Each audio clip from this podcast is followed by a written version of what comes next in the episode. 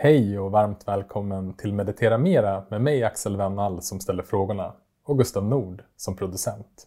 Låt oss inleda direkt med säsongens andra gäst som även är den andra gästen som vi har förmånen att få hälsa välkommen tillbaka till Meditera Mera. För just nu sitter vi hemma hos Gustav och ska träffa Daniel Ek för att prata om hur meditation, närvaro, medvetenhet och vänskap kan hjälpa oss att hantera det mentala kring coronapandemin på ett sådant skickligt sätt som möjligt. Daniel Ek är legitimerad psykolog, författare, föreläsare, meditationslärare och han är även grundare av Vänskapslabbet som arbetar för att hjälpa människor att bli starkare, friskare och lyckligare genom sina relationer. Daniel är även en av våra lärare i Mindfully och han har tagit fram en meditationsserie om just relationer som heter Social Mindfulness.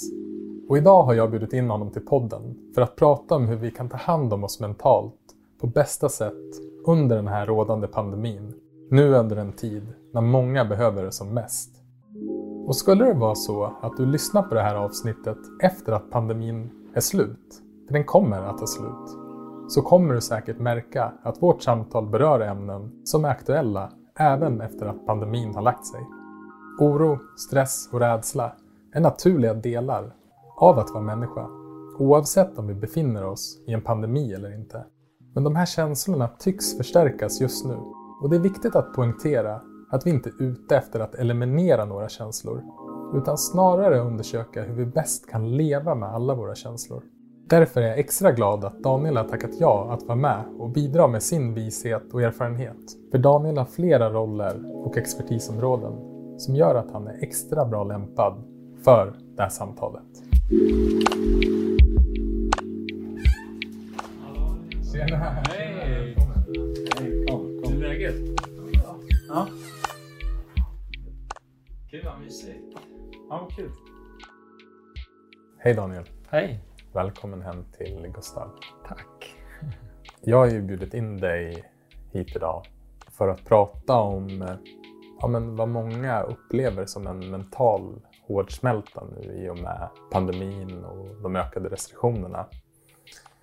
Så själva temat för vårt samtal är hur vi bäst kan ta hand om oss själva mentalt Mm.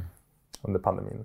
Och känslor som stress, oro, rädsla och ensamhet är väldigt påtagliga för många. Så frågan är hur vi kan hantera dem på ett skickligare sätt. Mm. Men också kanske vad vi kan ta med oss på andra sidan.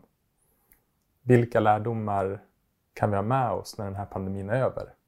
Och kanske hur kan man använda den här situationen för att utveckla sig själv som människa? Mm. Men först och främst, hur mår du just nu? Mm. Just nu, ehm, nu, nu i stunden så mår jag ganska bra för vi gjorde en liten eh, sharing innan och det släppte mycket i min kropp. Jag märker att jag har haft en del stress och spänningar i kroppen som släppte nu. Och generellt sett i mitt liv, om man tittar på den större situationen, så kan man ju fråga men hur det har påverkats av coronasituationen. Och det är väl så här pågående hela tiden att det är inte så här, ja men det påverkar mig på det här viset, punkt slut, utan det är liksom ett konstant eh, känna in, känna efter, försöka förstå vad mår jag bra av, vad mår jag inte bra av, hur ska jag hantera det här. Så det är också svårt att liksom ta tempen och säga så här mår jag. Eh, men om jag skulle ändå försöka göra det och titta på ända från liksom februari till nu så kan jag väl säga att jag har varit ganska lyckligt lottad på det viset att jag har i början av våren så flyttade jag ut till en sommarstuga. Delvis för att eh, slippa stan lite och corona. Och, och det gjorde mig väldigt gott. Eh, jag var, jag liksom har längtat efter naturen tidigare. Så nu fick jag en väldigt tydlig liksom, signal att ja, men nu kan du verkligen göra det. Det passar väldigt bra. Mm. Så jag har hållit på och testat det. Alltså hur, hur är det att bo lite utanför stan i en stuga ganska själv? Jag har haft kompisar på besök och sådär. Framförallt under sommaren. Och sen så köpte jag en egen stuga i början av sommaren som jag hållit på och renoverat. och eh, varit upptagen med det. Så jag har haft, jag har kunnat rikta min energi. Jag tror en, en stor en, pusselbit som kan hamna fel är att vi, vi, vi har energi som vi vill göra, göra någonting av, livsenergi. Vi vill rikta den till något. Det kan vara arbete eller en relation eller någonting att göra något meningsfullt. Och när en sån här pandemi händer, då kan rädsla kicka in och ångest och andra saker och som kan få oss antingen att stänga av och bli passiva eller så kanske vi blev överaktiva och stressar ihjäl oss. Så frågan är så hur, hur riktar jag min energi på ett sätt som är meningsfullt och ger, ger någon form av um, fortsatt livsenergi, eller vad man ska kalla det för. Um, ja, men fortsatt mening, uh, trots de här begränsningarna som finns. Och jag har kunnat rikta min energi mot att ah, jag har köpt en stuga, mm. det är jätteviktigt för mig, det är någonting som kan hålla länge i framtiden, jag bygger mitt bo för mig själv och så vidare. Det kom otroligt lägligt. Hade jag inte haft den här stugan att fokusera på och känna att det var meningsfullt, för det är inte alla heller som tycker det är roligt att hålla på med en stuga. Liksom. En del hatar ju det. Och liksom så här, gud, jag vill inte hålla på och renovera och grejer. Men för mig passar det väldigt bra. Mm. Hade jag inte haft det, då hade jag nog varit mycket mer spattig i min energi. Sökt liksom, så, okay, vad, vad är det jag ska göra nu? Mm. För rädslan, när rädsla uppstår i oss så är det ofta en push till action. Så vi vill göra något. Rädslan är ju liksom energi som samlar sig och säger okej, okay, nu har du en bunt av energi och du kan antingen slåss eller fly eller göra, liksom rikta den någonstans. Hur, hur ska du ta hand om det här hotet? Liksom. Och då finns det många olika sätt man kan ta hand om det här hotet som är vissa är bättre, vissa är sämre. Jag hade turen att min kontext eller min miljö bjöd in till att liksom lägga min energi på den här stug, stuggrejen. Mm. Så jag hade tur, skulle jag säga. Eh, sen var det säkert något medvetet val där också, att jag valde att göra det här nu. Liksom. Men, eh, jag tror det är en stor grej. Vad gör jag av den här energin som kommer nu av eh, covid-situationen? Lite som en tryckkokare, tänker jag. Eh, man ökar trycket lite i den här tryckkokaren. I vanliga fall så tar vi ut den genom meningsfulla samtal eller sysselsättning, variation. Vi skapar mening genom det vi gör, träffar vänner och så vidare. Men nu är det som, okej, okay, nu tar vi bort mycket, eller, eller inte tar bort, men mycket förändras och vi måste förhålla oss till det här på ett nytt sätt. Vi måste outsmarta oss själva, vara liksom lite i överlista oss själva. Så här, hur, hur ska jag bädda för mig själv så att jag klarar den här situationen på det bästa möjliga sätt. Mm. Ett ord som fastnade i mig när du beskrev det här var just ordet balans. Ah. Och att den här balansen som vi vanligtvis många av oss kämpar med att hitta, att den balansen blir ännu svårare just nu i och med att kontexten har förändrats helt och hållet. Ah.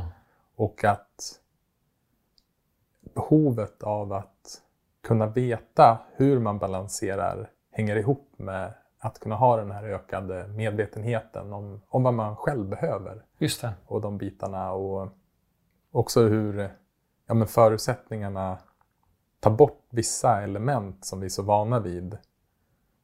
Och för jag känner igen mig i mycket i det du beskriver. Jag hade också eh, förmånen och turen att under våren eh, och halva sommaren så hade, var jag också i en stuga och jobbade med väldigt meningsfulla saker som eh, bland annat då appen, men även satt och skrev på en bok. Och, så det vart också som en, en ganska speciell upplevelse för världen var i en pandemi men jag var på en plats där jag var i total harmoni. Mm. ja, men var ganska fascinerande att se att i, min lilla, i mitt lilla mikrokosmos så gick det att, att må så bra som jag någonsin har kunnat må också i det. Men då hade jag också, som du beskriver, en, en, en tur eller liksom eh, mina förutsättningar och kontexten för mitt liv var väldigt gynnsamma just då. Mm. Men vad händer med oss människor generellt? Du har varit inne lite grann på det, men i en, i en situation som den är nu, alltså hur påverkar den oss? Mm. Ja, ja men det, jag, jag, jag jobbar ju mycket med stress. Jag föreläser mycket om stress och eh, stresshantering. Och det här som händer nu är ju liksom, uppfyller ju kriterierna för vad man brukar säga, så här, vad är det som stressar oss människor? Jo, det är saker som är nya, det är saker som är oförutsägbara och det är saker som vi känner att vi har låg kontroll över. och det passar precis på den här mm. situationen. Det är helt nytt för många. Eh, ja, för alla egentligen. Den här skalan och det här liksom... Det är ett nytt virus helt enkelt. Vi vet inte hur den beter sig. Så det är nytt, det är oförutsägbart, det finns ingen liksom, eh, forskning som säger hur det här viruset kommer bete sig. Vilket vi ju ser också på hur olika länder hanterar det. Ehm, och det tredje är som en, jag som person, individ, jag har ganska låg kontroll över det här. Vad, vad kan jag göra? Den är osynlig. Den, det, det är inte liksom som att man ser en brunbjörn som går omkring här på gatan och säger okej, okay, nu vet jag vad jag ska eh, akta mig för. Nu är den här brunbjörnen liksom i Hornstull eh, eller nu är den uppe i Norrland. Utan det är osynliga björnar, mm. spöken nästan. Som, så hur, hur förhåller vi oss till något som är lite osynligt? Hur får vi den här känslan av kontroll? Det är mitt i prick i det här liksom, vad är det som stressar oss? Jo, det är saker som är nya, oförutsägbara och låg känsla av kontroll. Och vad som händer då? Ofta eh, rädsla. Och rädslan indikerar att säga, nu är du i fara, nu ska du göra någonting. Mm.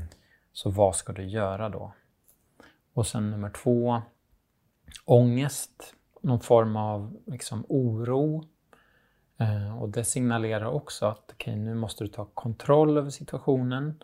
Du behöver ha en plan, du behöver göra någonting. Vad ska du göra? Så både ångest och eh, rädsla är ju på något sätt energi som uppstår i oss. Arousal, liksom, kallar man det på engelska. Eh, kan inte det svenska ordet, men vi blir eh, liksom exalterade, upp, upphetsade, mm. aktiverade kanske man skulle säga. Och sen är frågan, så vart tar den här aktiveringen vägen? Vart tar den här energin vägen? Och då har vi liksom våra upptrampade vägar skulle jag säga. Så ryggradsreflexerna kommer igång, våra akilleshälar, våra liksom svårigheter som kanske i vardagen inte kommer fram för vi har en buffert, att vi kan återhämta oss, vi joggar och springer och motionerar, vi träffar vänner. Olika saker gör att våra akilleshälar inte gör sig synliga. Vi har skydd, liksom. vi har en, liksom, en liten patch kring den här akilleshälen så ingenting kommer in där. Men så tar vi bort den där patchen för akilleshälen och då blir vi lätt eh, irriterade på vårt unika vis. Då. Så vissa kanske sover sämre, det är väl en ganska vanlig eh, liksom effekt. Man sover sämre och orolig i sömnen. Eh, vissa kanske blir mer aktiva och problemlösande. Så här, okej, okay, om, om något problem uppstår, då är det min uppgift att lösa det här. Nu sätter jag igång, nu ska jag hitta en lösning. Man kan kalla det för att överlevaren vaknar till liv. Liksom så här. Alla har vi någon form av överlevare som sätter igång när vi utsätts för press. Så hur ser min överlevnadsstrategi ut? Vad gör jag då? Och det kan se olika ut. Man kanske blir jätteengagerad i andra och struntar i sig själv och går in i någon slags eh, hjälteroll. Liksom, eh, mm. Så nu ska jag hjälpa samhället och alla andra. Jag skiter i mig själv på ett sätt. Eh, eller så kanske man eh, stänger av. Så det här är för mycket för mig. Jag blir överväldigad, jag kan inte ta in det här. Så att jag stänger av eller förnekar, kör på som vanligt, låtsas som att jag är odödlig. Eller...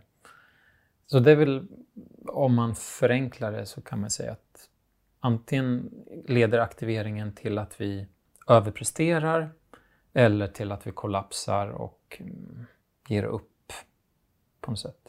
Och under stress, som sagt, vi, våra akilleshälar kommer fram, våra tidigare liksom, obalanser kanske kommer upp. Så om jag har en tendens att vara lite tvångig, liksom att här, tvätta händerna ofta eller vara pedantisk eller liksom saker ska vara på ett visst sätt. Då kanske det dyker upp under den här stressen.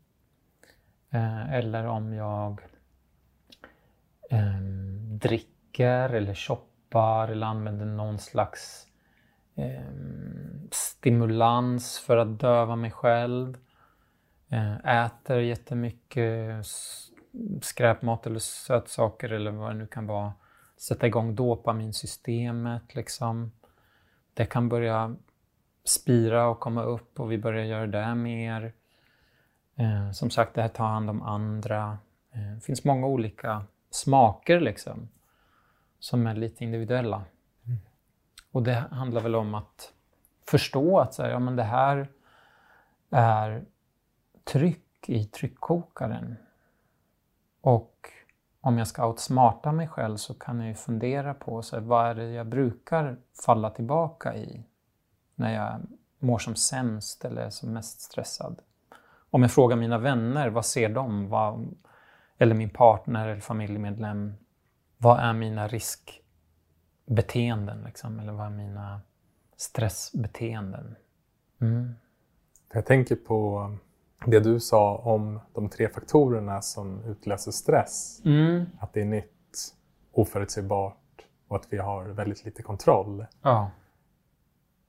Det här är ju tre sanningar om vårt liv. Ja. som bara har blivit väldigt mycket tydligare nu. Ja. Så det är lite som att illusionen om att någonting inte är nytt, mm. att det inte är oförutsägbart och att vi inte har kontroll, den har på något sätt skingrats nu. Mm. Ja. Hur kan vi då liksom bli medvetna och ta hand om oss själva så att den här tryckkokaren inte exploderar eller att vi eh, kan må så bra som möjligt och hantera den stressen som, och de rädslorna, den ångesten som dyker upp? Mm. Ja, jag tror det första är att bli medveten om att det här är stressande för oss. Även om vi tänker att så men, ah, men nu man kanske ser några fördelar och försöker övertala sig själv att säga, nej men det här är bra. Ehm, jag kan jobba hemifrån eller jag får chans att vila eller jag får andra möjligheter. Visst, det kan ju vara sant. Men någon del av vår hjärna och, och oss är vigilant och liksom uppmärksam och förstår att det är någonting i samhället som händer. Bara man går ut på gatan och ser att det är färre folk eller folk har masker. Någon del av oss reagerar och tänker så att fuck, det här är något konstigt. Vad är det som händer här? Eh, jag måste vara extra uppmärksam. Jag måste söka information. Andra vet kanske något som inte jag vet. Så att det kan bli liksom någon form av ständigt eh, övervakande. Någon del av hjärnan övervakar och är uppmärksam på andra människor. Så vi tolkar mycket andra människors beteende. Om andra har masker på sig och går omkring och är försiktiga, då kommer jag också bli mycket mer försiktig och rädd och tänka att så här, men, okay, de vet något som inte jag vet. Eller de beter sig på det här sättet, så då måste det vara på det här sättet. Ja, men så det första är nog att, att göra det giltigt, att så det här är en stressande situation för oss alla. Mm. Även om jag rent kognitivt tänker att så, ja, men, eh, tänk positivt, jag kan utnyttja den här situationen. Ja, det är jätteskönt att jobba hemifrån eller vad det nu kan vara. Så erkänna att det här kommer vara stressande för dig, även om någon del av dig tänker att det är skönt. Och det andra är Okej, när jag är medveten om att det här är stress för mitt system, vad är det jag kan förutse att jag kommer göra mindre av eller göra mer av när jag är stressad? och för de flesta gör vi mindre av sånt som handlar om sociala relationer. Eh, alltså, när stress uppstår i livet så tenderar vi att fokusera på att lösa problemet, vad det nu än kan vara. Så att mamma åker in på sjukhuset, okej, okay, då ger jag all kraft till min familj och mamma. Eller om det är en konflikt på jobbet och ger all energi på det. Slutar träffa vänner, slutar att gå på gymmet eller slutar att återhämta mig. Så jag gör för mycket av någonting, vilket är kanske ta hand om en sak. Och jag gör för lite av andra saker som ger mig återhämtning. Så det är liksom ett enkelt sätt att se på det. Eh, liksom konkret. Så vad gör jag för mycket av? Vad gör jag för lite av? Vad är mina tendenser? Och hur ska jag förutse och göra... Jag brukar säga så här att den största förändringen vi kan göra är inte i vår personlighet eller våra beteenden direkt. Att säga, okej okay, nu ska jag börja gymma för jag, ska, jag vill ha en bättre kropp eller eh, bli mer hälsosam. Eller nu ska jag äta bättre så jag måste göra, göra den här förändringen. Eller nu ska jag oroa mig mindre genom att göra den här enkla grejen. Jag brukar säga att det handlar mer om kontext. Alltså vi påverkas mycket mer av andra än vad vi påverkas av oss själva. Mm. Men inte bara andra utan också hur vi bor och vart vi bor och hur vår Eh, vår vardagsrum är upplagt och hur eh, sovrummet ser ut, vilka grejer jag gör i sovrummet, vilka grejer jag gör i vardagsrummet. Och liksom kontexten påverkar oss mer än vår egen agens. Jag tänker så här, men jag, det är jag som bestämmer över mitt liv, det är jag som gör medvetna val. Jag skulle säga nej, det är en illusion. Vi påverkas mycket mer av ja, men, plinget i mobiltelefonen, hur jag har eh, strukturerat mitt hem. Eh, jobbar jag i sängen så kommer det påverka sömnen eh, mer än att jag ska liksom Eh, när jag lägger mig så ska jag eh, lyssna på fågelljud eller någonting som lugnar ner mig just när jag går och lägger mig. Men sen så har jag skitit i allting annat under hela dagen som handlar om att till exempel hålla sovrummet rent från jobbgrejer eller vad det nu kan handla om. Så att första hand lyfta blicken och tänka lite mer metaperspektiv. Så här, vad, om jag skulle vara min bästa rådgivare, se mig själv utifrån med en kamera som har filmat mig i några veckor. Vad skulle den här kameran se? Vad är det jag gör för mycket av? Vad gör jag för lite av? Hur kan jag ligga steget före? Och då kan man fråga, be om råd, fråga vänner, liksom bolla de här sakerna. Mm. Ja, men det finns flera saker som jag vill komma tillbaka till eh, baserat på de här externa faktorerna, kontexterna som eh, jag tror är viktigt att bli mer medveten om och, och, se också kanske vilken relation vi har till dem som mm. du belyser. Men in, innan dess, och hur vi också kan bli vår egen rådgivare. För det är ju någonting som, som meditation och den ökade medvetenheten verkligen kan hjälpa till med. Ja. Att kunna få skifta perspektiv ja. och kunna se sig själv utifrån ett, från ett annat perspektiv. Mm. Men vi har fått in en fråga nu när vi skulle träffa dig om, om just stress. Och, och frågan var, när kan man själv bedöma om en stressnivå är för hög? Mm. Finns det några indikatorer som man ska vara noggrann och lyssna på? Mm. Det kan ju vara individuellt att man har vissa akilleshälar som jag pratade om, att man börjar bli helt plötsligt mer pedant eller lite um, nojig kring sin hälsa eller eh, börjar bli lite mer irriterad. Eh, eh, börjar bli mer fumlig. Det, man, man, har sin, sina liksom tecken. Så dels så kan man tänka på vad är det jag brukar göra när jag blir stressad? Vad är det som brukar hända då? Vad är mina typiska tecken på stress? Och sen så utgår man ifrån dem. Men jag ska också säga att de här tecknen kan komma smygande. Så att vi kan börja liksom leta sig in stress långsamt, långsamt, långsamt.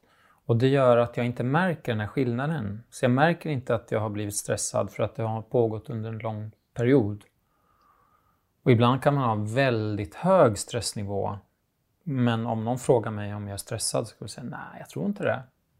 Så man kan vara ganska omedveten om att man är stressad för att stressen har varit pågående länge. Mm. Och det har blivit ens vardag på något sätt.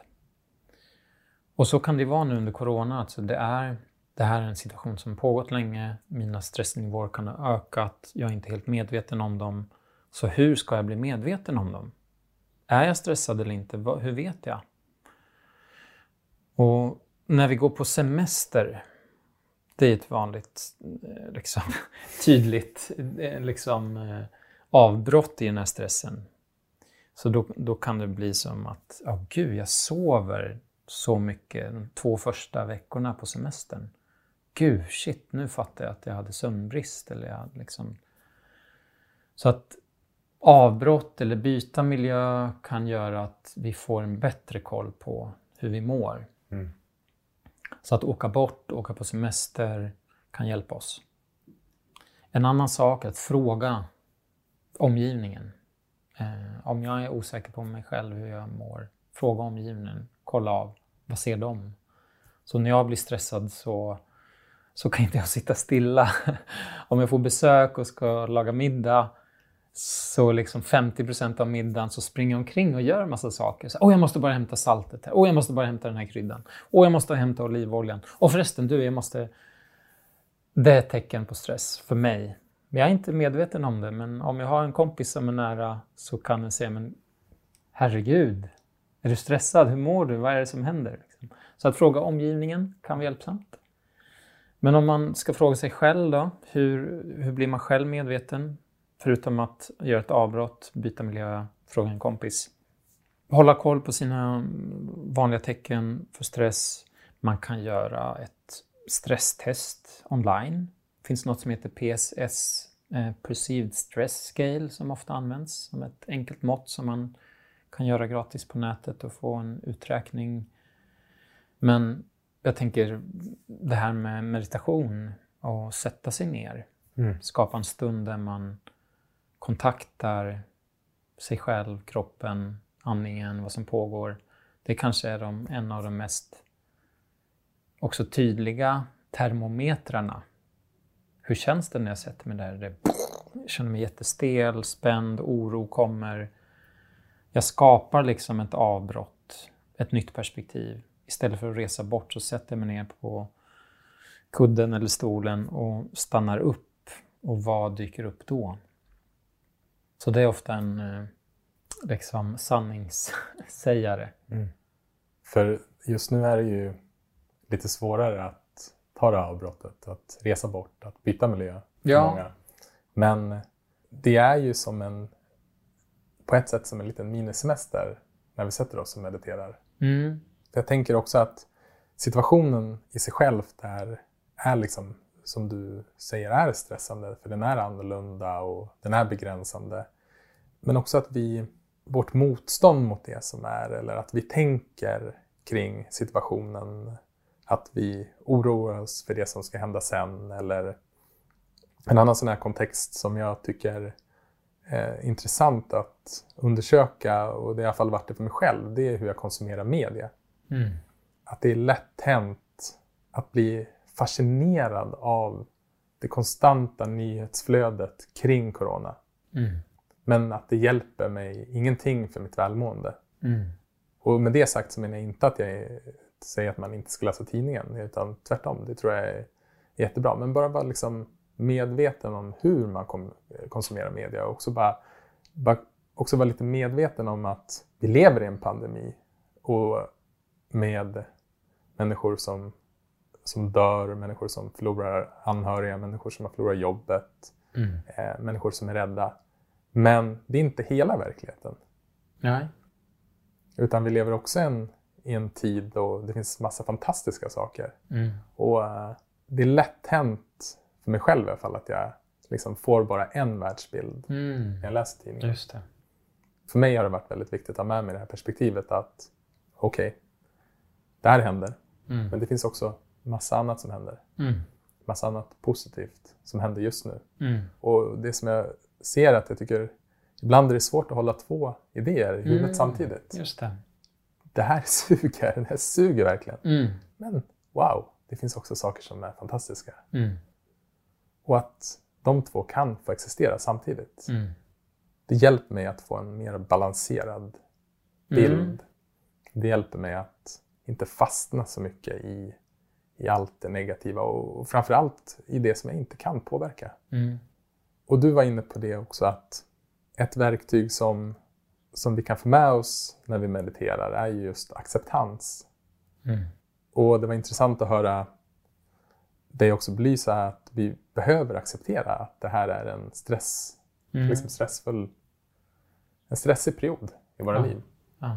Det är en, acceptera att det är en osäker. Mm. För många gånger så är det ju att vårt motstånd mot det vi känner kan vara jobbigare än faktiska känslan. Just det. Precis. Och det har ingenting med corona, corona att göra, men jag bara noterar i mig själv att när det dykt upp någon självkritisk tanke på slutet och så har jag dömt den självkritiska tanken. Det. Så det blir som en, liksom en loop av Mm. ja, det, det uppstår någonting eller något obehag och sen bara, oh, det här obehaget, jag vill inte ha det. Mm. Uff, tryck bort det. Mm. Och jag tänker att, precis som du var inne på där med meditation, att det är någon typ av form av sanningstid. Att man bara, okej. Ja. Och att lära sig det perspektivet att vi kan, vi kan observera eller vi kan bevittna det som är. Att inneha den bevittnande positionen, det är så lärorikt och viktigt. För att kunna bjuda in alla känslor. Och just nu så är det en cocktail av olika känslor. Mm. Ja, jag tycker det är väldigt intressant att du kommer in på det som... Det är en helt annan lager eller dimension av eh, det som pågår.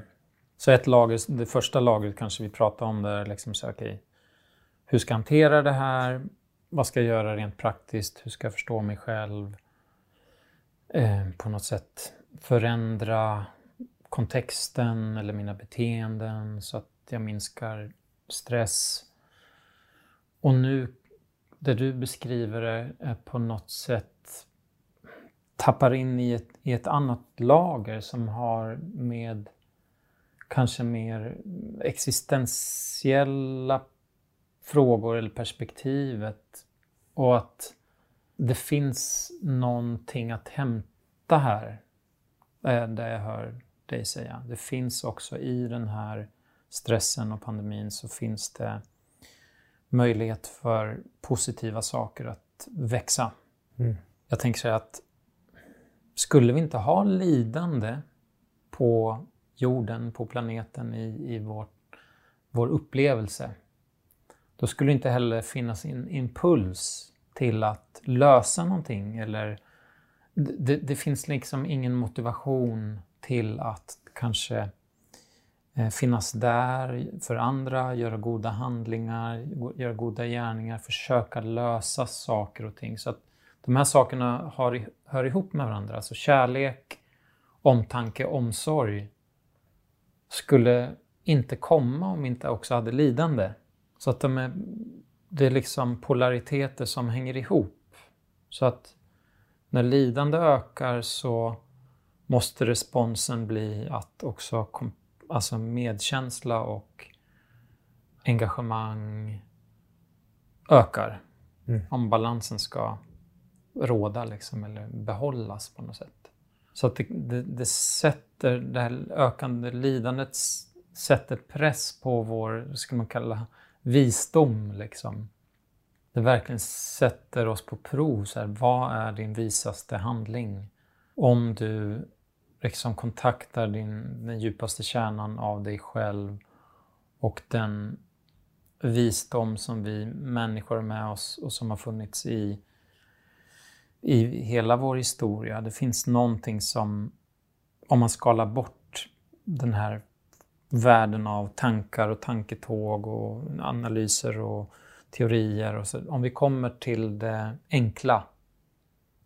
Vad är, vad är min impuls här? Vad är min visa impuls? Hur ska jag hantera den här situationen? Vad är min absolut visaste impuls? Det är mitt bästa jag. Om jag var mitt bästa jag, hur skulle jag agera då eller handla då? Liksom? Så att försöka lyssna till en visare del av sig själv. Nu kommer jag in på kanske lite ett annat spår, men du var inne på acceptans och jag tänker det kanske är det första steget liksom. Som när man börjar meditera eller intressera sig för buddhismen eller liksom den här vägen. Att det första man möts med ofta är att buddhan och den här liksom traditionen säger att det finns lidande. Det är liksom första steget. Jaha, okej. Okay. Okej. Okay. Det är ett faktum eller det är liksom en... en eh, så är det. Mm. Och det här, det här får alla möta nu. Vi kan ju leva i någon form av eh, skyddad fantasi om att men, döden, ja, jag vet inte om den finns eller jag kommer inte bli sjuk, det är andra som drabbas. Men nu är det som att vi alla är drabbade av någonting gemensamt eller någonting som är något som förenar oss också. Mm, verkligen. Jag tänker att även den mest lyckligt lottade just nu i den här situationen har fortfarande fått sina förväntningar och sina planer kraschade. Ja. Så liksom, det finns eh, även på den, från, från döden och det lidandet det kan ha till sjukdomar och, och till liksom, det lilla är att ja, jag hade hoppats kunna göra det här, det gick mm. inte. Ja, precis. Brustna planer. Ja. Um, så att vi går igenom det här och det tillsammans på ett sätt. Alltså mm. vi alla, och, och, det gör vi alltid egentligen, men det blir också tydligare nu att vi går igenom det här tillsammans. Mm. Och jag tänker att en känsla, eller rättare sagt tanken som kan uppstå är så här, jag orkar inte mer, fan det här är så jävla jobbigt, nu får det bara vara slut. Mm. Men vi orkar. Mm. Och det kommer förändras. Mm. Eftersom det redan är här. Och du och jag, vi kan inte göra någonting för att förändra det. Förutom att hålla distans, hålla oss hemma om vi är sjuka. Mm. Det är liksom det, det är de, de verktygen vi har. Men det kommer gå över och då tycker jag ändå att det finns ett, ett perspektiv att vi kanske kan se det här som ett tillfälle. Att okej, okay, men hur är jag med det här? Kan jag se det här som ett tillfälle att, att utvecklas? Mm och ha med mig de kunskaperna när vi kommer ut på andra sidan tunneln. Mm. När livet förhoppningsvis återgår till någon form av tidigare normalitet. Att alla de här, att vår kontext blir så som vi önskar. Mm. Med vänner och med att kunna vara ute eller vad det nu än är. Men att det också finns ett, ett tillfälle nu att, att istället för att vara emot det som är, kanske mm. använda det som en en, eh, ett sätt att utveckla sig själv. Mm. Att, eh, du, du pratade om den här, den här kloka delen i oss, den visheten. Mm. Att, och den kan vi komma i kontakt med. Och nu kanske det är ett tillfälle som bjuder in till att, okej, okay, mm. vad säger den här delen? Yeah.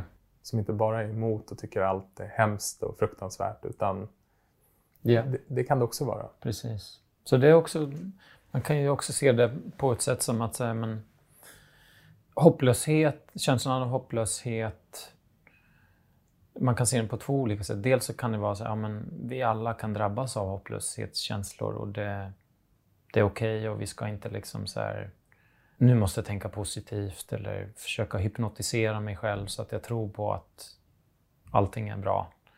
Jag tänker mindfulness och den här närvaron i det som är.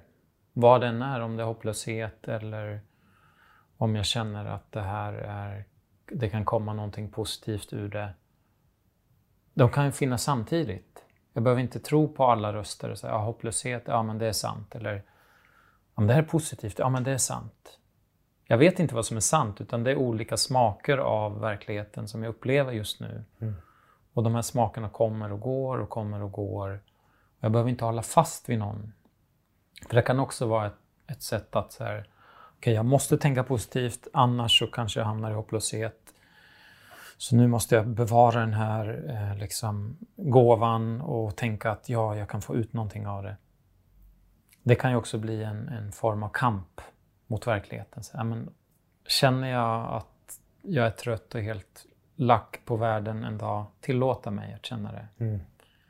Men inte låsa fast mig vid, vid en tanke om att säga, nej, det kommer gå åt helvete med det här, det här, det här. Eh, världen håller på att gå åt det här hållet och bla bla bla.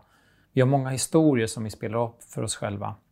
Och de blir ju sanningar efter ett tag i mitt beteende. De, får ju, de påverkar ju köttet, om man säger. Mm. Mina beteenden sätter sig. En tanke påverkar eh, hur jag beter mig med kroppen, vad jag säger och gör och får ofta konsekvensen av att jag också upplever det som jag redan tänkte. Så det blir en självuppfyllande på ett sätt.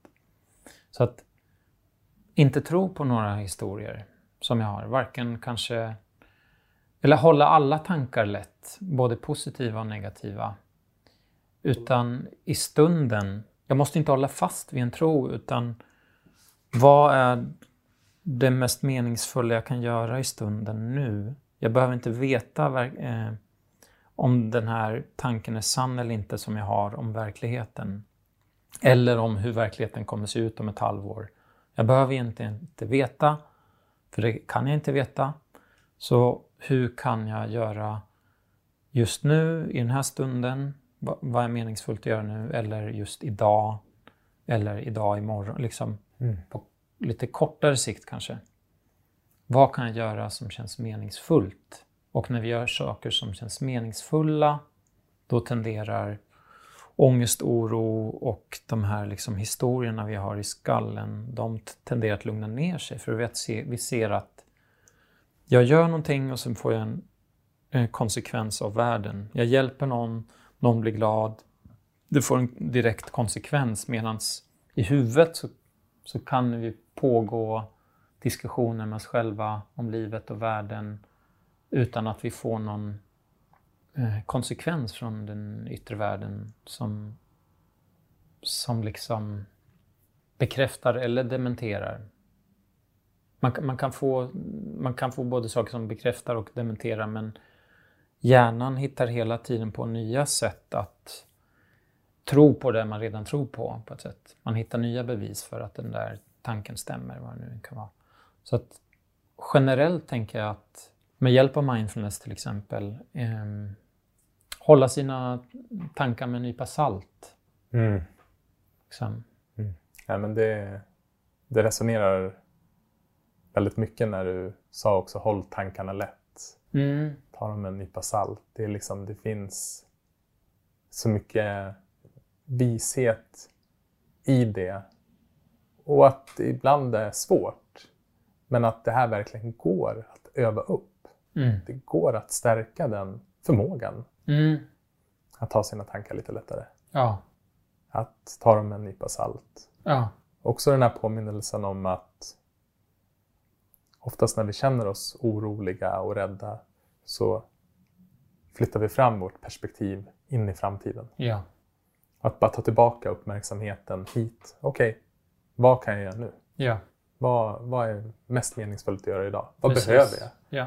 Och att eh, ja, träna på det som är någon form av självmedkänsla. Mm. Och hur viktigt det är nu. Precis. Att ställa sig den frågan. Ja. Jag kommer att tänka på Frank Bond som är eh, professor i psykologi i eh, England. Han eh, har gjort en stor studie nyligen. Jag tror det var 10 000 eh, britter som, han, som var med i studien. Jag kan ha fel, det kan ha varit färre, det kan ha varit fler också. Men det, det var ett stort antal människor som ingick i den här studien. Och det man gjorde var att man utrustade dem med en app som två gånger per dag skickade ett meddelande till dem.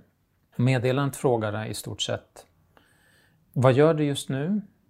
Och är det meningsfullt för dig?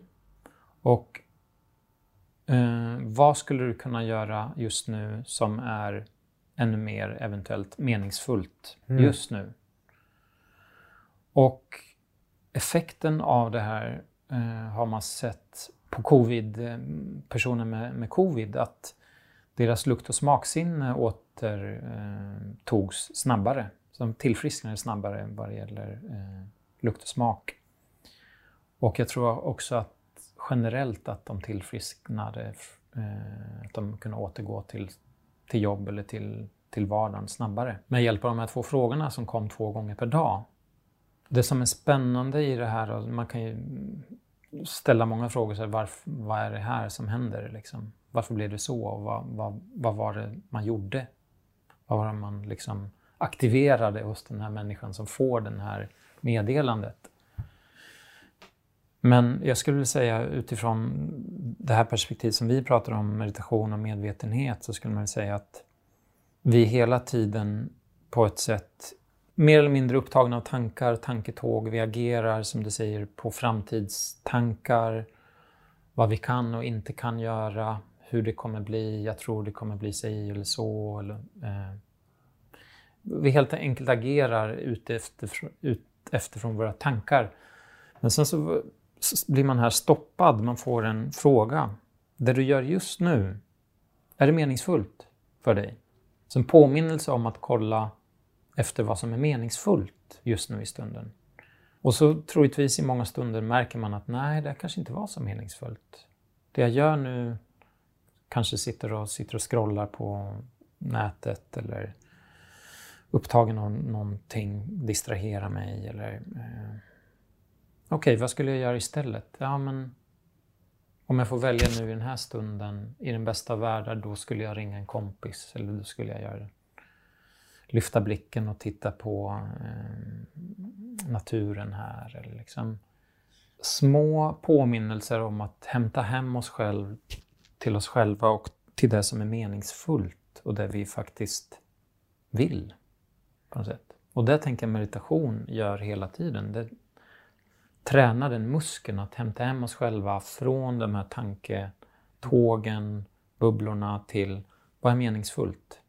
För mig blir det i alla fall så när jag har mediterat på morgonen rensar jag på något sätt massa impulser av att oh, jag borde göra det här, det här, det här och sen kommer jag till någon form av avskalad liksom, ja just det. Hmm. Nu känner jag för att spela gitarr eller ta en dusch eller jag blir mer intunad till mina behov. Mm. Det jag verkligen behöver eller vill, till kroppen. Liksom. Så att dagliga påminnelser om hämta hem sig själv. Det är det vi kan göra, det är det vi har kontroll över på något sätt. Mm. En annan sak som, som jag upplever och som jag nog törs påstå att vi alla upplever som är väldigt meningsfull är ju att involvera andra, alltså att vara altruistiska. Mm. Att inkludera. Och um, jag gillar hur Dalai Lama brukar prata om just det här med medkänsla till andra. För mm. han, han är väldigt tydlig med att det här gör du för dig själv. Mm. Men du är klokt självisk istället för dumt självisk. Att när vi vänder uppmärksamheten bara från jag, min och mitt och alla mina problem mm. till att hjälpa, till att se andra, mm. så är det också en känsla av mening. Mm och lycka oftast. Mm. Återigen, här, här behöver man ju som sagt också ha två idéer samtidigt i huvudet. Att mm. så här, ja, men man behöver verkligen ställa sig frågan, vad är meningsfullt för mig? Mm. Och ta hand om sig själv. Och så kan man också nyfiket undersöka att när man fastnar i, ah, hur ska det gå, hur ska det gå? När man bara hamnar i, i hjärnans standardläge som bara har de här jag-tankarna. Mm. Vad händer om jag flyttar fokus till någon annan? Yeah. Och ger ja. en stund. Verkligen. Bjuder in. Ja, ja jag, jag håller, håller, håller, verkligen med. Och det, det är ju liksom lite det här som jag sa som den här att lidande finns för att det, det ger oss en impuls att, att hjälpa eller lindra på något sätt. Och att det är en funktionell respons. Um, att skydda, lindra, hjälpa det är en form av, om man tänker psykologispråk, så en aktiv coping-strategi. Mm. Att någonting händer och att då försöka lindra, hjälpa eh, både sig själv och andra gör att vi kan hantera vår situation på ett sätt som gör att vi blir mindre, hamnar i mindre liksom depression, oro och ångest. För det fyller en funktion och vi fyller en funktion för någon annan. Vi känner att vi är hjälpsamma eller vi, vi är behövda. Som du säger, mycket av, eller jag tänker mycket av vår kultur handlar om jag, jag, jag. Mig, mig, mig. Eh, och vi mår inte bra av det. Det är liksom, mycket tyder på att vi mår bra när vi glömmer oss själva. Mm. På det viset att vi, in, inte att vi inte ser till våra egna behov, men att vi inte är för mycket i att säga jag ska bli lycklig, hur blir jag lycklig? Mm. Maximera min lycka. Eh, det leder oss mer till olycka. Medan att hjälpa andra på ett balanserat sätt, finnas där, eh, relationer, vara en del av en gemenskap. Det gör att vi blir en del av någonting större. Den här känslan av jag blir inte så mycket trängd till jag måste vara någon, andra ska se mig, jag måste vara tillräckligt duktig för att andra ska älska mig och då kommer jag bli lycklig. Utan det verkar snarare som att vi blir lyckligare när vi glömmer oss själva, när vi, gör, när vi inte är så självmedvetna. Som eh, när vi är i naturen eller gör någon sport. Eller liksom, vi glömmer bort oss själva på något plan. Det jag hör när du beskriver det här är ju att när vi fastnar i jaget eller i stress så är det som att vår uppleve, upplevelse kontraheras. Ja. Den krymper ihop. Ja. Den blir liten. Men när vi däremot inkluderar eller ger så är det som att upplevelsen öppnas upp. Ja. Det är liksom, jag, jag tycker det är en bra... Det är liksom som en knuten näve. Den kan, antagligen mm. så är den stängd eller så öppnas den upp. Och ja. det, man kan nästan känna det fysiskt. Hur, ja hur upplevelsen förändras. Ja. Och att påminna sig själv om att bara, just det, släpp. Ja. Släpp taget lite grann. Ja, så verkligen, jag vill understryka det också. Stress, det är ju någon form av ofta kontraktion. Mm. Musklerna spänner sig. Eh, organen stannar upp lite. Eh, sin, sin liksom rytm. Och vi behöver på något sätt expandera. När stressen samlar energi och sen boff, ska vi slåss eller fly eller egentligen då ta hand om andra eller skydda.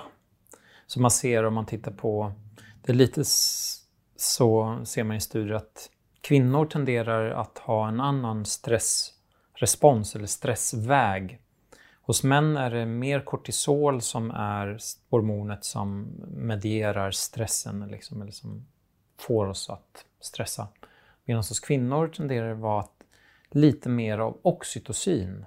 Och oxytocin är ju det här kramhormonet, typ. När man tar på någon eh, beröring, dans, mm, gosmys, så utsöndras oxytocin. Så kvinnor har lite mer tendensen till att när de blir stressade så söker de efter, okay, vem kan jag hjälpa nu? Vem kan jag skydda? Eller hur kan jag få hjälp av någon annan? Medan män är lite mer kanske då att lösa problemet. Så jag tror att när vi pratar om det här med att eh, finnas där för andra, hjälpa andra, engagera sig. Jag tror att det är en, en väg som kan hjälpa oss på flera nivåer. Dels så kommer jag ur oro för att jag märker att det finns någon annan där. Det är inte bara jag och mina tankar. Jag fyller en funktion för någon annan, jag blir viktig. Det betyder att jag får en roll mer än för mig själv, att jag ska bli lycklig. Jag får en roll för någon annan. En relation.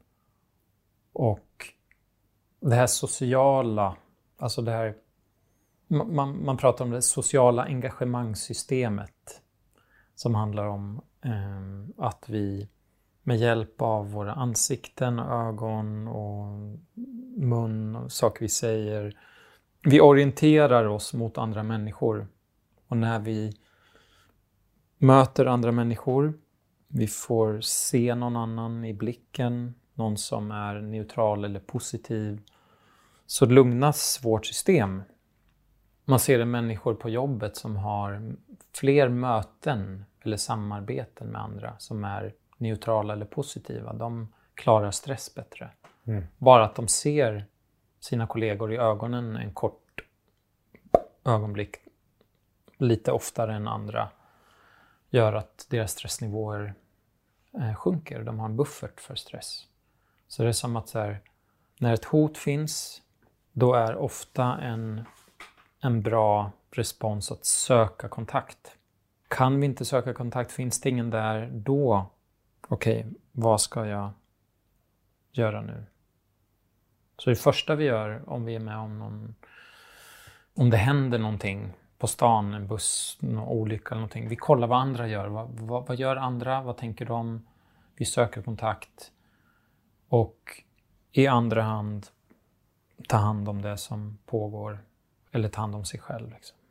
Men att den här sociala kontakten är på många sätt läkande och eh, skyddande för oss. Mm. Och den här sociala kontakten är ju svårare just nu. Mm. Och den blir ju inte lättare av att vi i Sverige har flest singelhushåll i hela världen. Nej. Och även om man kanske inte lever själv så tenderar vi i Sverige kanske inte att umgås på samma sätt som man gör i resten av världen i större mm. grupper och sådär. Och, mm. och framförallt nu så, så kan vi inte göra det. Och en känsla som är kanske svårare att hantera än än många andra är ensamhet. Mm. Vad tycker du, eller vad ser du att man kan göra när man känner sig ensam? Mm. Ja, jag tänker ensamhet är verkligen det är en eh, tuff känsla för att den bjuder inte in till att ta kontakt då. Utan när vi, när vi känner oss ensamma, då säger vi också till oss själva att så här, men det finns ingen där för mig eller andra intresse, inte intresserade av mig eller till och med kanske att jag kanske inte har något att hämta hos andra eller jag är utstött eller jag är utanför. Och att den tanken och den känslan i sig gör att vi inte automatiskt vill söka oss till andra. Vilket är det kanske vi, vi behöver göra. Mm. Så känslan av ensamhet ger inte goda impulser att, att lösa ensamheten utan den tenderar att vi tenderar att rikta den inåt. Det är något fel på mig.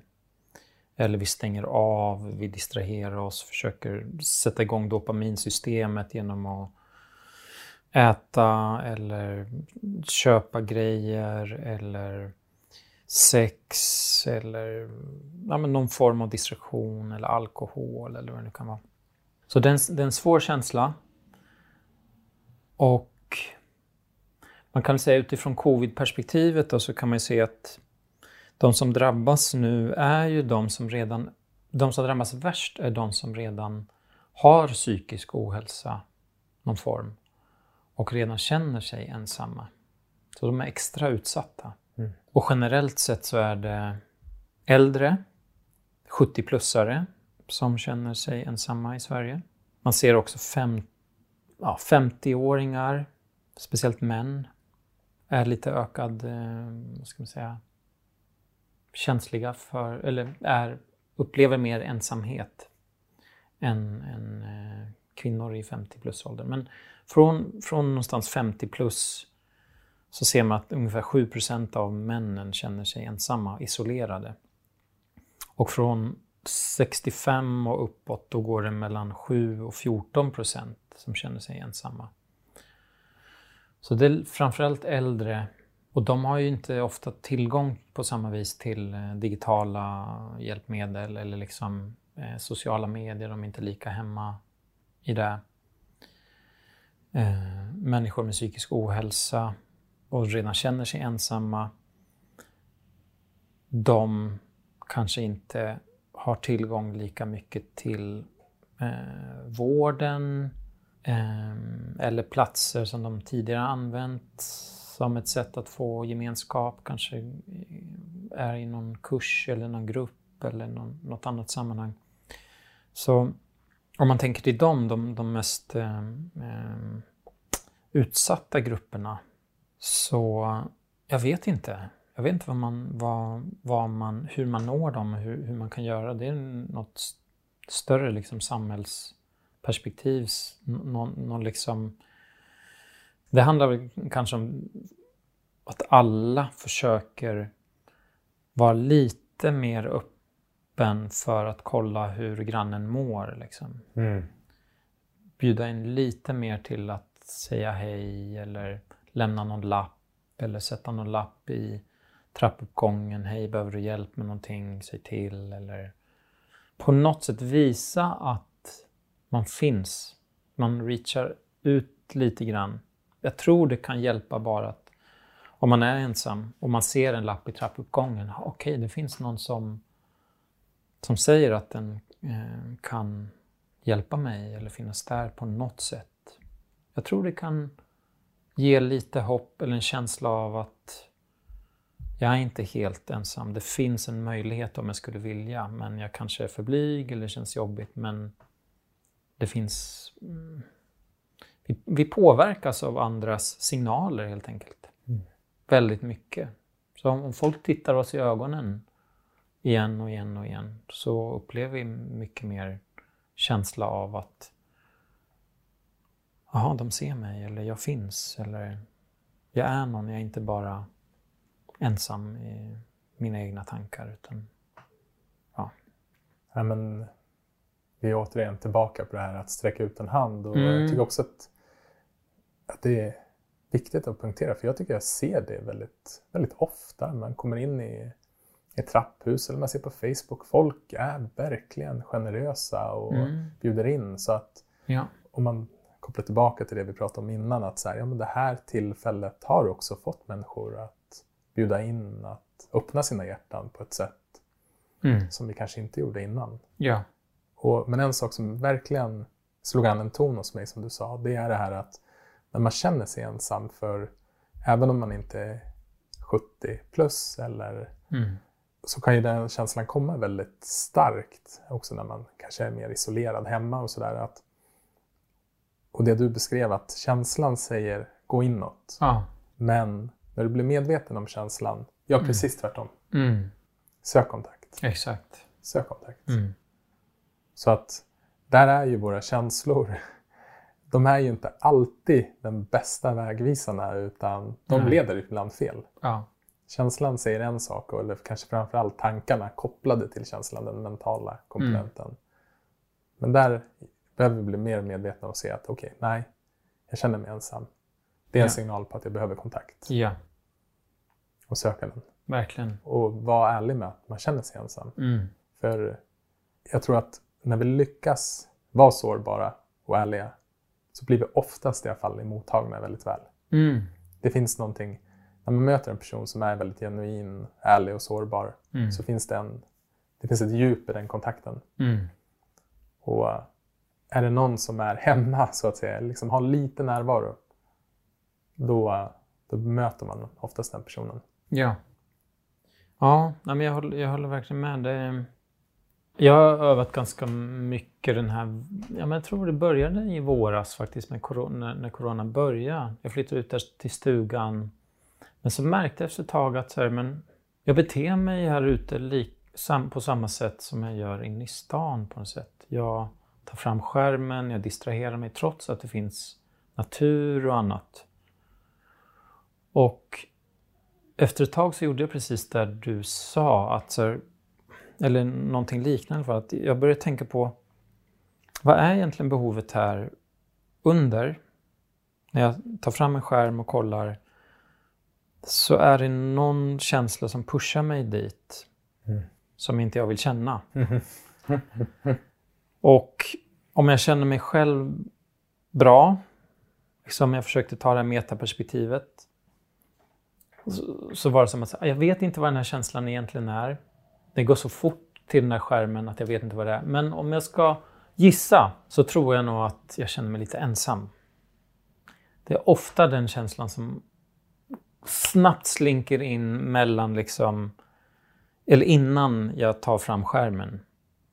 Så jag, jag, jag skrev ner för mig själv, en, ja, men jag skrev på någon lapp typ ensamhet eller ensam. Att liksom, jag ville highlighta den känslan att jag tror den finns i mig. Fast jag inte vågar erkänna eller var ganska omedveten om den. Så jag skrev ner det på en lapp, ensamhet.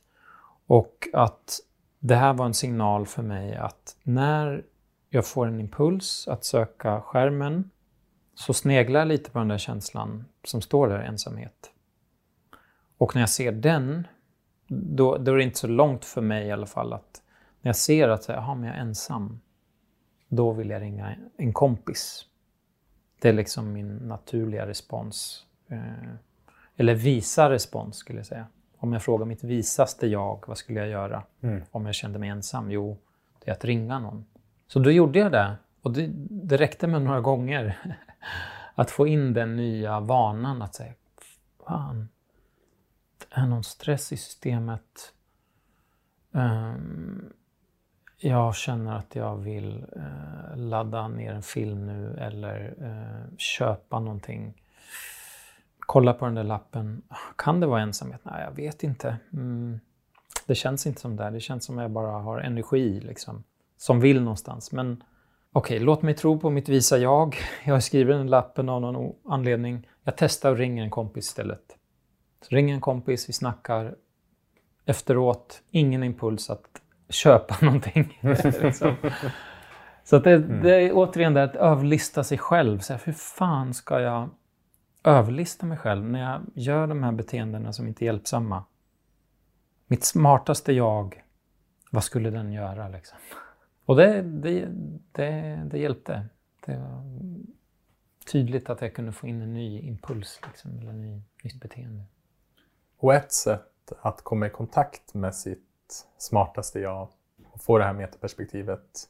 Vi har varit inne mycket på att prata om meditation, men vi kan ju även få det genom att meditera tillsammans. Ja. Och du är ju verkligen en av pionjärerna i Sverige när det kommer till hur vänskap kan få oss att må bättre. Mm. Och hur vi kan öva på vänskap genom det vi i appen kallar social mindfulness. Mm. Där du har tagit fram en kurs. Mm. Kursen, den här meditationsserien, gör man ju då tillsammans med, med någon annan. Mm. Hur ser du att, liksom, att kunna öva på att öppna upp och vara nyfiken och modig i en relation, hur det kan hjälpa oss också just nu? Mm. Jag tror det finns någonting i oss människor som, som jag sa tidigare, som jag förklarar mer från ett psykologiskt perspektiv, att liksom, när någonting händer, det första vi gör någonstans är att kolla. Leta med ögonen efter andra ögon, en annan människa. Buff. Finns det någon? Är den personen en, ett hot eller en trygghet? Okej, okay, det är en trygghet. Okej, okay, jag går dit. Det är liksom en naturlig respons för oss människor som är nedärvt inbyggt i vårt DNA tror jag. Att liksom att när någonting händer, då söker vi kontakt. Det första liksom vi testar. Funkar inte det, då försöker vi fly eller slåss. Funkar inte det, då hamnar vi i kollaps och stänger ner systemet. Så att mänsklig kontakt som är fri från krav och eh, förväntningar där man bara är med varandra, man ser varandra och är i närvaro på något sätt. Det här som jag kallar då för någon form av social meditation, social närvaro. Det är någonting som vi är programmerade att må bra av. Om man tänker sig en bebis och en mamma. Jag vet inte om det finns en experiment man har gjort. Eh, på Youtube har man lagt ut de här eh, experimenten där man filmat en mamma som är med sitt barn och mamman speglar barnets eh, mimik och liksom är med. Och man ser att barnet är levande och liksom glad. Och, och sen under en minut så har mamman ett stenansikte. Hon är, hon är inte arg, hon gör ingenting, hon har bara stenansikte, hon har ingen mimik. Och det som händer med barnet då under de här, det är bara under en minut tror jag, så går den från att vara glad och vara i samspel till att först försöker den peka och visa mamma någonting, så får den inte någon kontakt. Och då börjar den liksom bli agiterad istället och till sist börjar den skrika och till sist så vill den inte ens ha kontakt med mamman, den vänder sig bort och liksom, ah, den får panik. Och då under en minut så har inte barnet den naturliga liksom speglingen i mammans mimik. Så vi är, det, vi är otroligt känsliga för andra människors mimik och ansiktsuttryck och kroppsuttryck. Och stor del av vår hjärna är liksom går till att lö, so liksom avkoda sociala signaler. Och vad ska man säga, det är en baksida av det. Man kanske är väldigt självmedveten och man kan koda väldigt mycket sociala signaler. Man, är, man oroar sig. Eh, vad tycker andra om mig? Och är jag tillräckligt duktig och smart och så vidare. Men kan man skapa en miljö eller kontext där man verkligen ser varandra, som man gör det i social meditation. Man har inga krav, man har ögonkontakt och nyfikenhet och välvilja. Så vi är där tillsammans, vi ser varandra, vi är nyfikna och öppna, eh, icke-dömande. Då uppstår någonting som är, uppfattar jag i alla fall, det här är inga studier som backar upp utan det är mina egna upplevelser, att då kickar det in läkning väldigt, väldigt djup läkning på liksom cell och organnivå. För att när vi känner oss trygga så kickar lugn och ro-systemet igång och då startar en läkningsprocess. Och det här kan man skapa med eh, nästan vem som helst. Jag har ju testat det här med hundratals människor som jag inte känner. Och jag bara förklarar. Ska vi göra den här övningen? Vi sätter en klocka, 10 minuter. Intentionen är att vara i kontakt och utforska nuet. Vi ska inte hjälpa varandra eller trösta varandra. Vi ska inte säga något smart. Vi ska inte liksom komma fram till något. Vi ska bara vara närvarande tillsammans. För mig är det som att komma till det mest meningsfulla och mest läkande och mest spännande på en gång. Jag kan inte tänka mig något mer spännande än att vara i kontakt med någon annan i, och utforska nuet. Liksom. Mm. Mm. Ja, nej men eh, jag har ju fått förmånen att meditera tillsammans med dig i den här meditationsformen flera gånger och jag kan verkligen bara hålla med att känslan är att det är läkande och att det, det är som ett motmedel mot ångest, oro, stress ja. och, ja. och att det liksom är, det är otroligt befriande. Mm att få vara i relation med någon annan som tillåter en och har en vänlig attityd gentemot en. Mm. Så egentligen de, de attityderna man övar upp när man mediterar själv får man nu hjälp med i kontakt. Ja. Och det är liksom ett, ett citat som jag har haft med mig mycket eh, och som verkligen har varit en, någon typ av polstjärna i, i min egen meditation är meditationsläraren Sharon Salisbury i USA, hennes att medit vi mediterar inte för att bli bra på att meditera utan vi mediterar för att bli bra på att leva. Mm. Och jag översätter det till att vi kan vara närvarande och medvetna mm. så vi kan göra klokare val. Men jag uppfattar det ändå som, och jag gör det fortfarande, att okej, okay, jag kan tillåta allt att hända i mig själv men sen så fort jag kommer i relation med någon annan, mm. då blir det svårare. Just det det blir svårare i kontakten. Mm. Och att, att kunna öva upp den närvaron och den tryggheten som kommer av det mm. är fantastisk. Mm. Det här kan man göra även digitalt, eller hur? Mm. Så att det, det, går att göra det nu även om man sitter hemma själv. Mm. Visst. Ja. Så um, appen är jättebra. Kursen där, den är liksom steg för steg. Den har tydliga övningar, den ger en liksom tydlig kontext för det hela. Så den kan man göra, den här serien. Man kan också bara liksom ja, kontakta någon, ringa en kompis på Facetime, Skype, Zoom, vad det nu kan vara. Sätta en klocka, ha den här intentionen att ha ögonkontakt, vara i kontakt med varandra. Man utforskar nuet tillsammans. Sen finns det ju massa saker man kan säga kring det här så att eh, det ska jag kunna prata om en hel poddavsnitt. Mm. Liksom. Och det har vi till och med gjort en gång. Ja, det har vi gjort, ja, precis. Exakt. Så om man blir mer nyfiken kan man lyssna ja, på det. Exakt. Om relationer. Precis. Så kolla lite mm, serien där i, i, i eh, appen. Det finns en del introduktion där och tydliga övningar. Jag lyssnar på det här poddavsnittet. Mm. Men generellt liksom Den formen är ju otroligt stark och, och direkt och jag skulle säga att den är Alltså social meditation är lättare att känna trygghet och läkning och minska ångest och oro och rädsla än att bara ringa en kompis och ha ett samtal.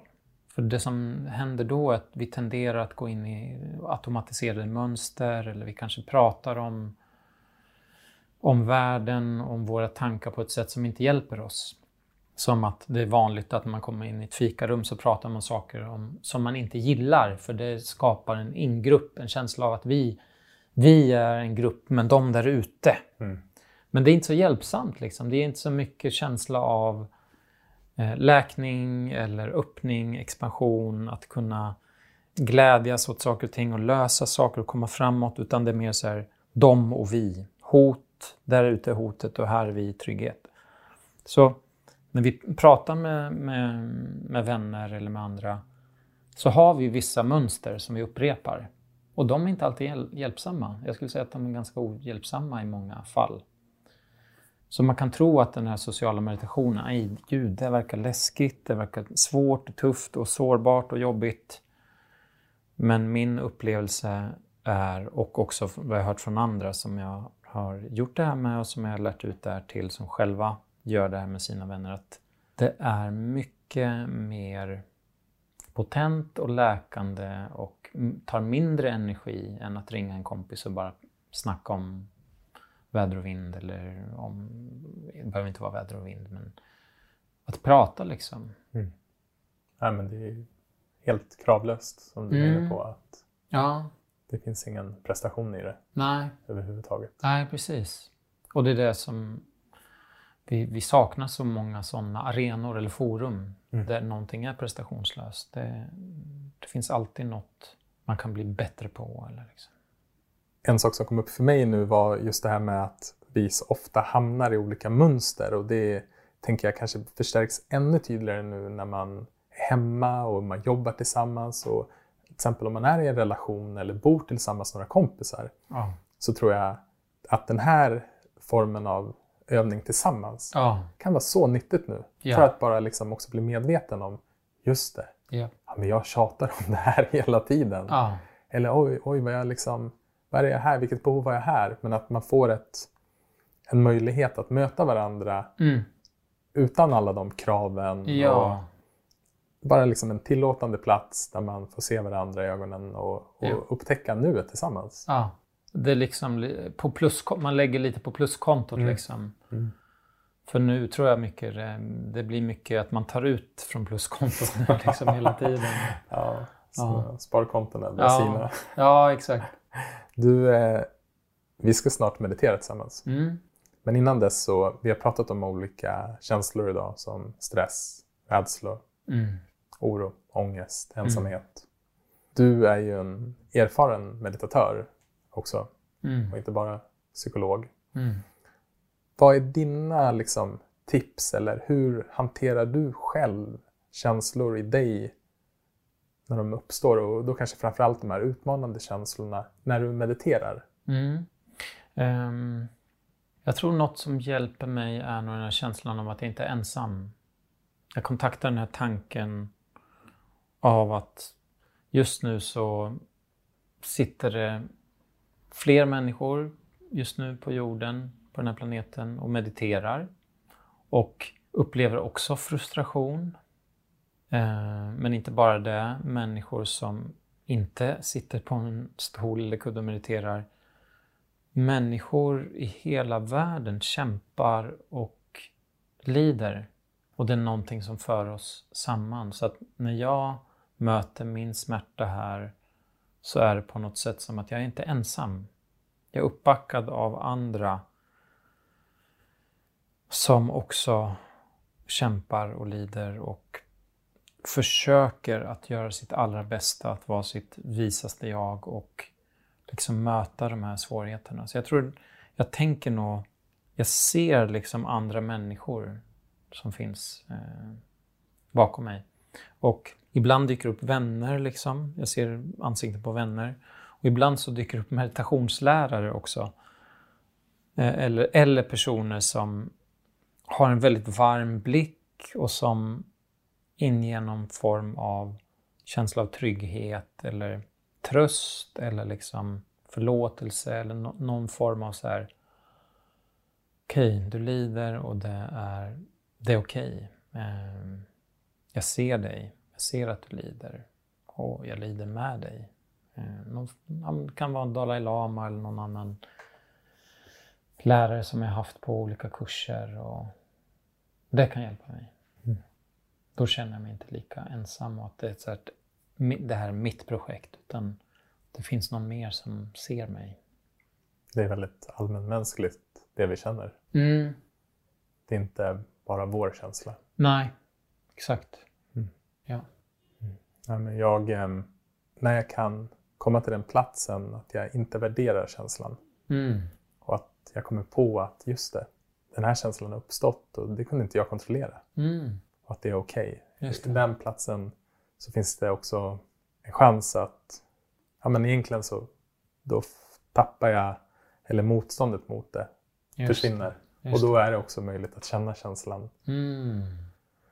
Okej, okay. ah, den, den liksom, det finns en lättnad i det. Ja, det är inte jag som har orsakat känslan. Utan, mm.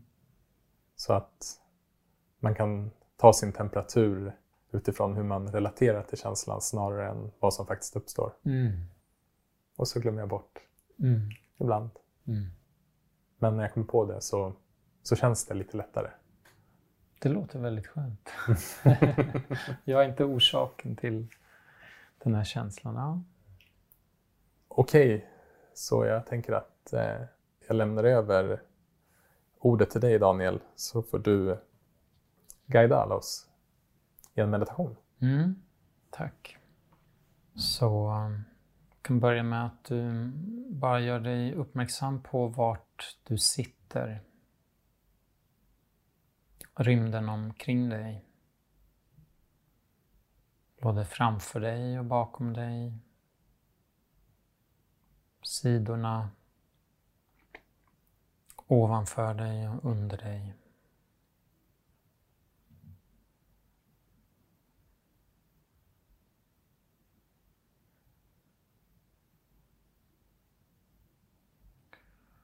Och gör dig uppmärksam på att det här utrymmet som din kropp tar upp.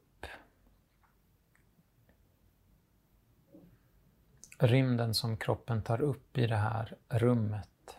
Hur är den?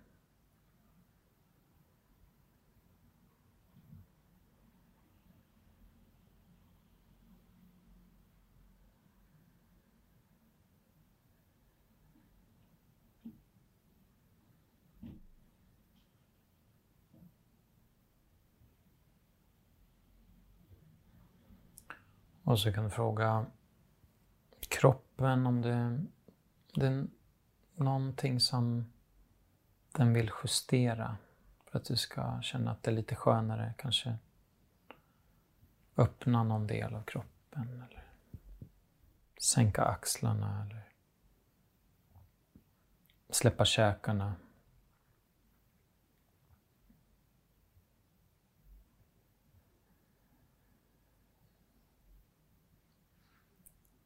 Och sen så tänkte jag att temat på den här meditationen är eh, vänlighet. Mycket av den stress och oro och rädsla som vi upplever kallar på någon form av extra omtanke och vänlighet just nu.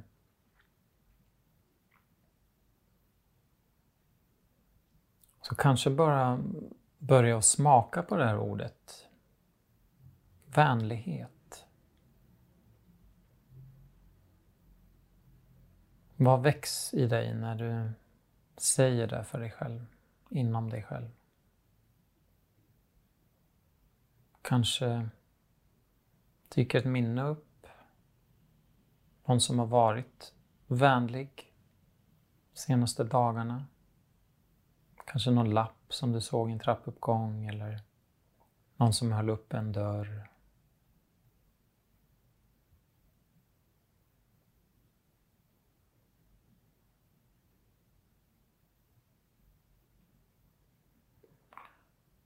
Och sen vill jag att du drar dig till minnes en liten, liten vänlig handling som du själv har gjort det kan vara nu nära i tiden eller en lång tid tillbaka.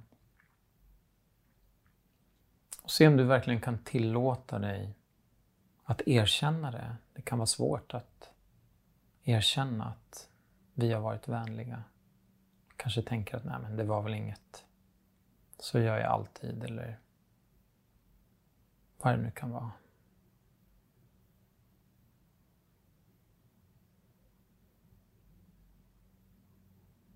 Se om du kan hitta en liten gest av vänlighet. Det kan vara att du tänkte en snäll tanke om någon. Det kan vara att du såg någon i blicken och bara visade att du såg den. Det kan vara att du höll upp dörren. Det kan vara att du sa hej till någon.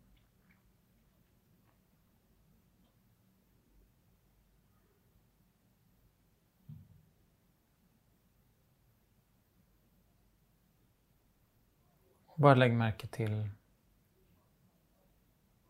om det finns något motstånd, något hinder i dig från att uppmärksamma det här. Är det någonstans du inte släpper in det här erkännandet att du har varit vänlig? Se om du kan slappna av i den delen kanske. Öppna upp för att ibland gör du vänliga handlingar.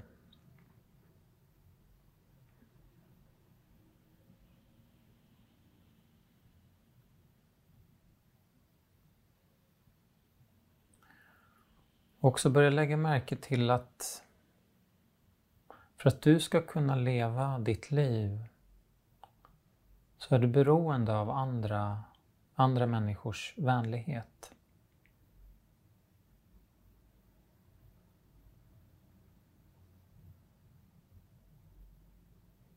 Det är någon som fixar lampan i trappuppgången där du bor när den är trasig.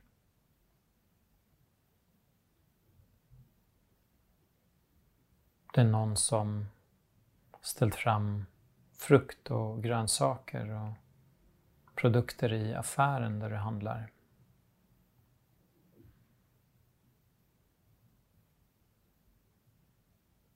Det finns människor som säger hej till dig, frågar hur du mår.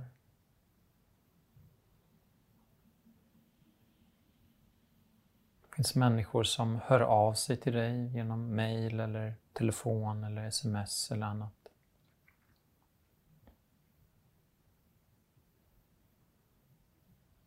Bara uppmärksamma den här känslan av att du finns. Din känsla av jag finns på grund av andra människor och andra människors vänlighet. När andra ser dig så blir du till.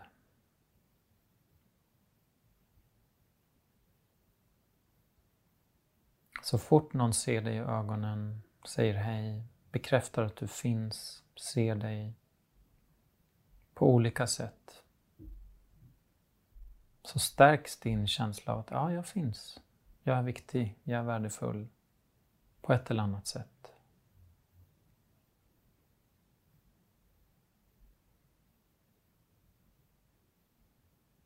Motsatsen skulle vara att gå runt i en stad eller vart man nu än är och ingen ser en.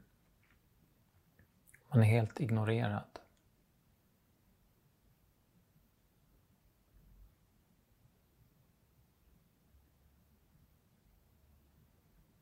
Men det finns människor som bryr sig om dig. Både i vardagen, okända, bekanta. Men det finns även vänner eller kollegor eller anhöriga.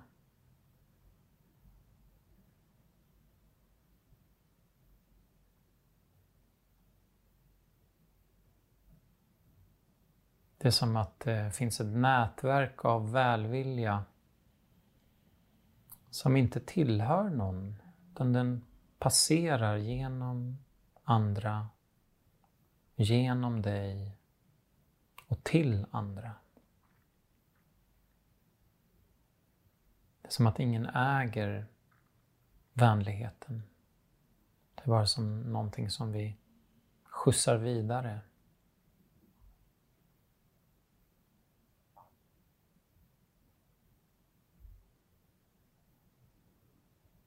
Och så kan vi dras till minnes kanske de bilder eller de, de historier vi har hört kring läkare, sjuksköterskor, andra som jobbar med att möta de som mest behöver hjälp just nu under den här perioden. Och lägga märke till vilka känslor dyker upp i dig när du tänker på de som kämpar dygnet runt för att hålla samhället levande. Och vårda de som mår dåligt.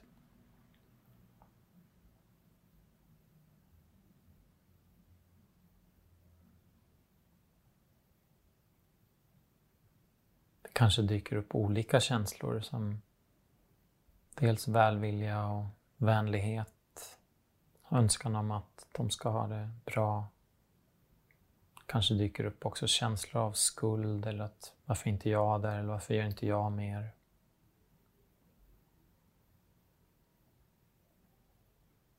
Se om du kan tillåta alla känslor. Och framförallt låta din önskan för de här människorna som kämpar för andra att få plats. Du kanske inte kan vara där på frontlinjen. Men bara din önskan och din erkännande av att andra människors välvilja är viktig, bidragande, är värd att hyllas på något sätt. Bara det i sig är hjälpsamt.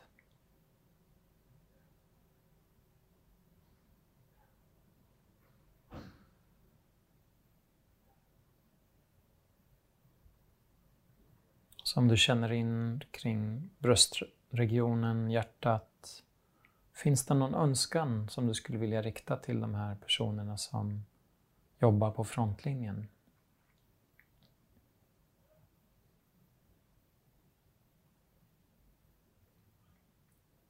Till exempel, jag önskar att ni kan vara skyddade och trygga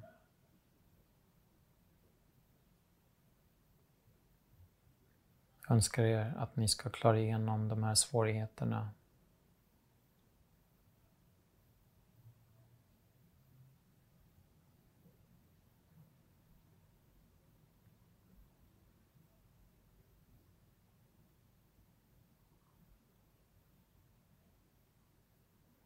Sen så kan vi rikta uppmärksamheten till de som kanske inte är på frontlinjen men eh, de som finns omkring oss. Våra vänner, bekanta, anhöriga, människor på stan. Alla som är med i samhället. Det finns de som inte kämpar så mycket, som har det tryggt. Finns de som kämpar mycket. Som är drabbade. Eller som har anhöriga som är drabbade. Och det kan vara svårt för oss att bära allting av det här och det är inget som vi måste bära men vi kan ha en önskan om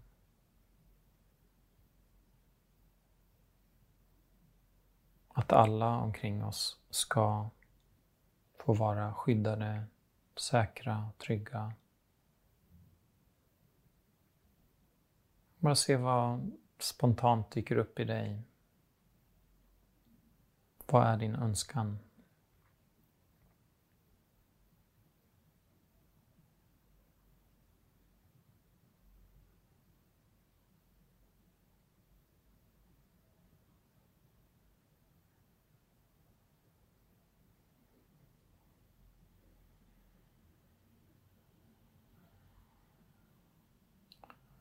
Och sen så kan vi uppmärksamma oss själva. Känna in hela kroppen, ryggen, baksidan, framsidan, sidorna av kroppen.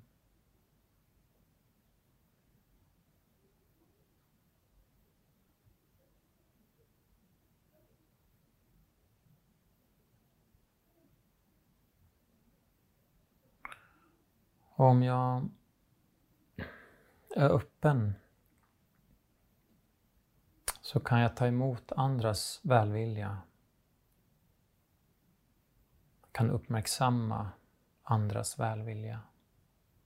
När någon håller upp en dörr, när någon tittar mig i ögonen, när någon säger hej. Just den här sociala kontakten. Vi verkligen tillåter oss att erkänna den som en läkande förmåga läkande kraft.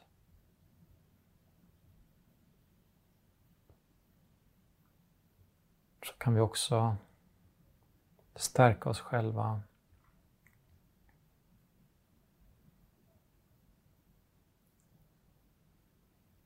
Och släppa in andras värme och välvilja. Det kan vara svårt under de här tiderna som kanske mer lätt att hamna i att jag vill skydda mig bygga ett skal, avskärma mig. Så jag vågar inte ens titta på någon. Då tror jag att någonting kommer hända. Så vad skulle hända om du vågade ta in andras välvilja lite, lite till? Finns det någon liten del av din kropp som kan öppna upp ett litet, ett litet fönster för att ta in andras välvilja.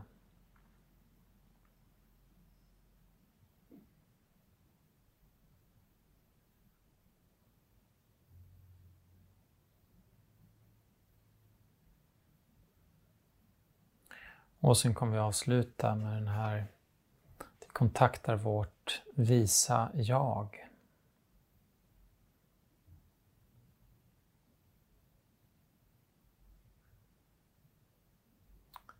Och det finns det inget tydligt sätt hur vi gör det.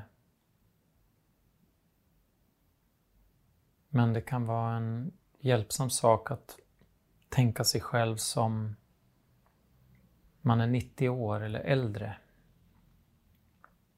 Man har levt igenom flera olika kriser i livet. Man har gjort sin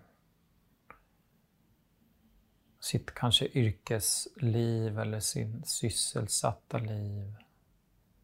Eller man har bidragit till relationer eller till världen på något sätt.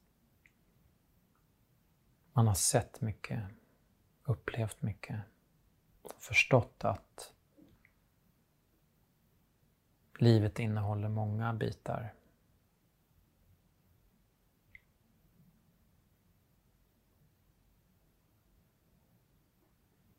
Vad skulle ditt visaste jag önska dig just nu? Vad vill den säga till dig? Vad är viktigast för dig just nu? Att ta hand om eller att göra? Eller att ge dig? Vad är det du behöver just nu?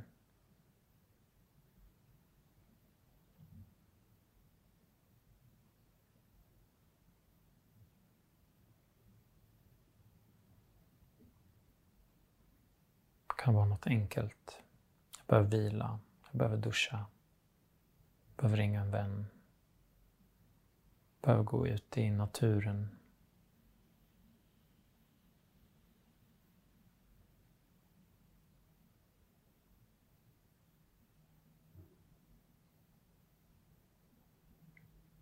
Så kan vi återigen bli uppmärksamma på utrymmet omkring oss, framför oss, bakom oss. Vänster sida, höger sida, under oss, över oss. Sitter här i det här rummet eller på den här platsen. Utanför finns andra människor, en annan värld.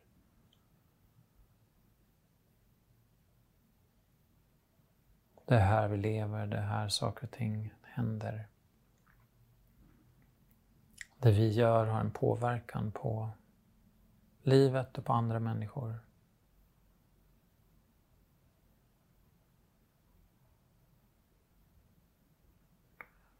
Och sen så kan du öppna ögonen och komma tillbaka och kanske sträcka lite på dig.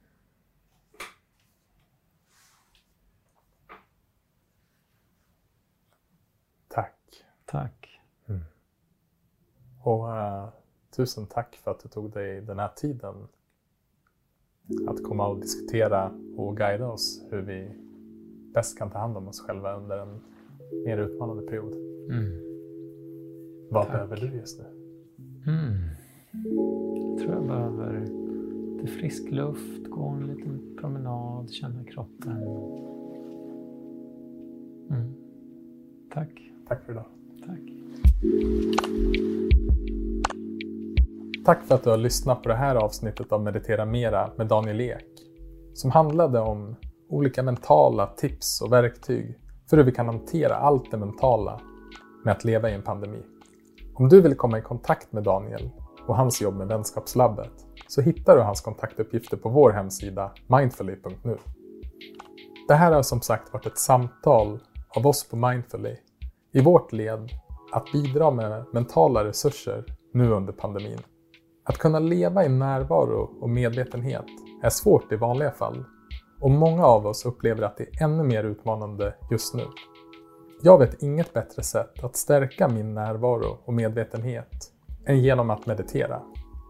I vår coronakategori hittar du flera upplåsta meditationer som är gratis och tillgängliga för alla. Och i appen hittar du även meditationsserien Social Mindfulness som jag och Daniel pratade om och som Daniel har tagit fram. Och som vi nämnde i samtalet så går det bra att göra den trots att man bara kanske kan ses digitalt just nu. Du hittar Mindfully där appar finns, alltså på Google Play eller på App Store. Och du kan alltid prova Mindfully kostnadsfritt i sju dagar. Och om du gillar appen så kan jag varmt rekommendera dig att ta del av vårt lanseringserbjudande där du betalar 595 kronor för ett årsabonnemang. Och det här erbjudandet går ut vid årsskiftet 2020-2021. Så passa på nu. Och du vet väl att du också kan använda ditt friskvårdsbidrag? Och är det något som vi har tagit med oss från vårt samtal med Daniel är det att när vi känner oss ensamma så behöver vi gå tvärt vad känslan säger och söka kontakt.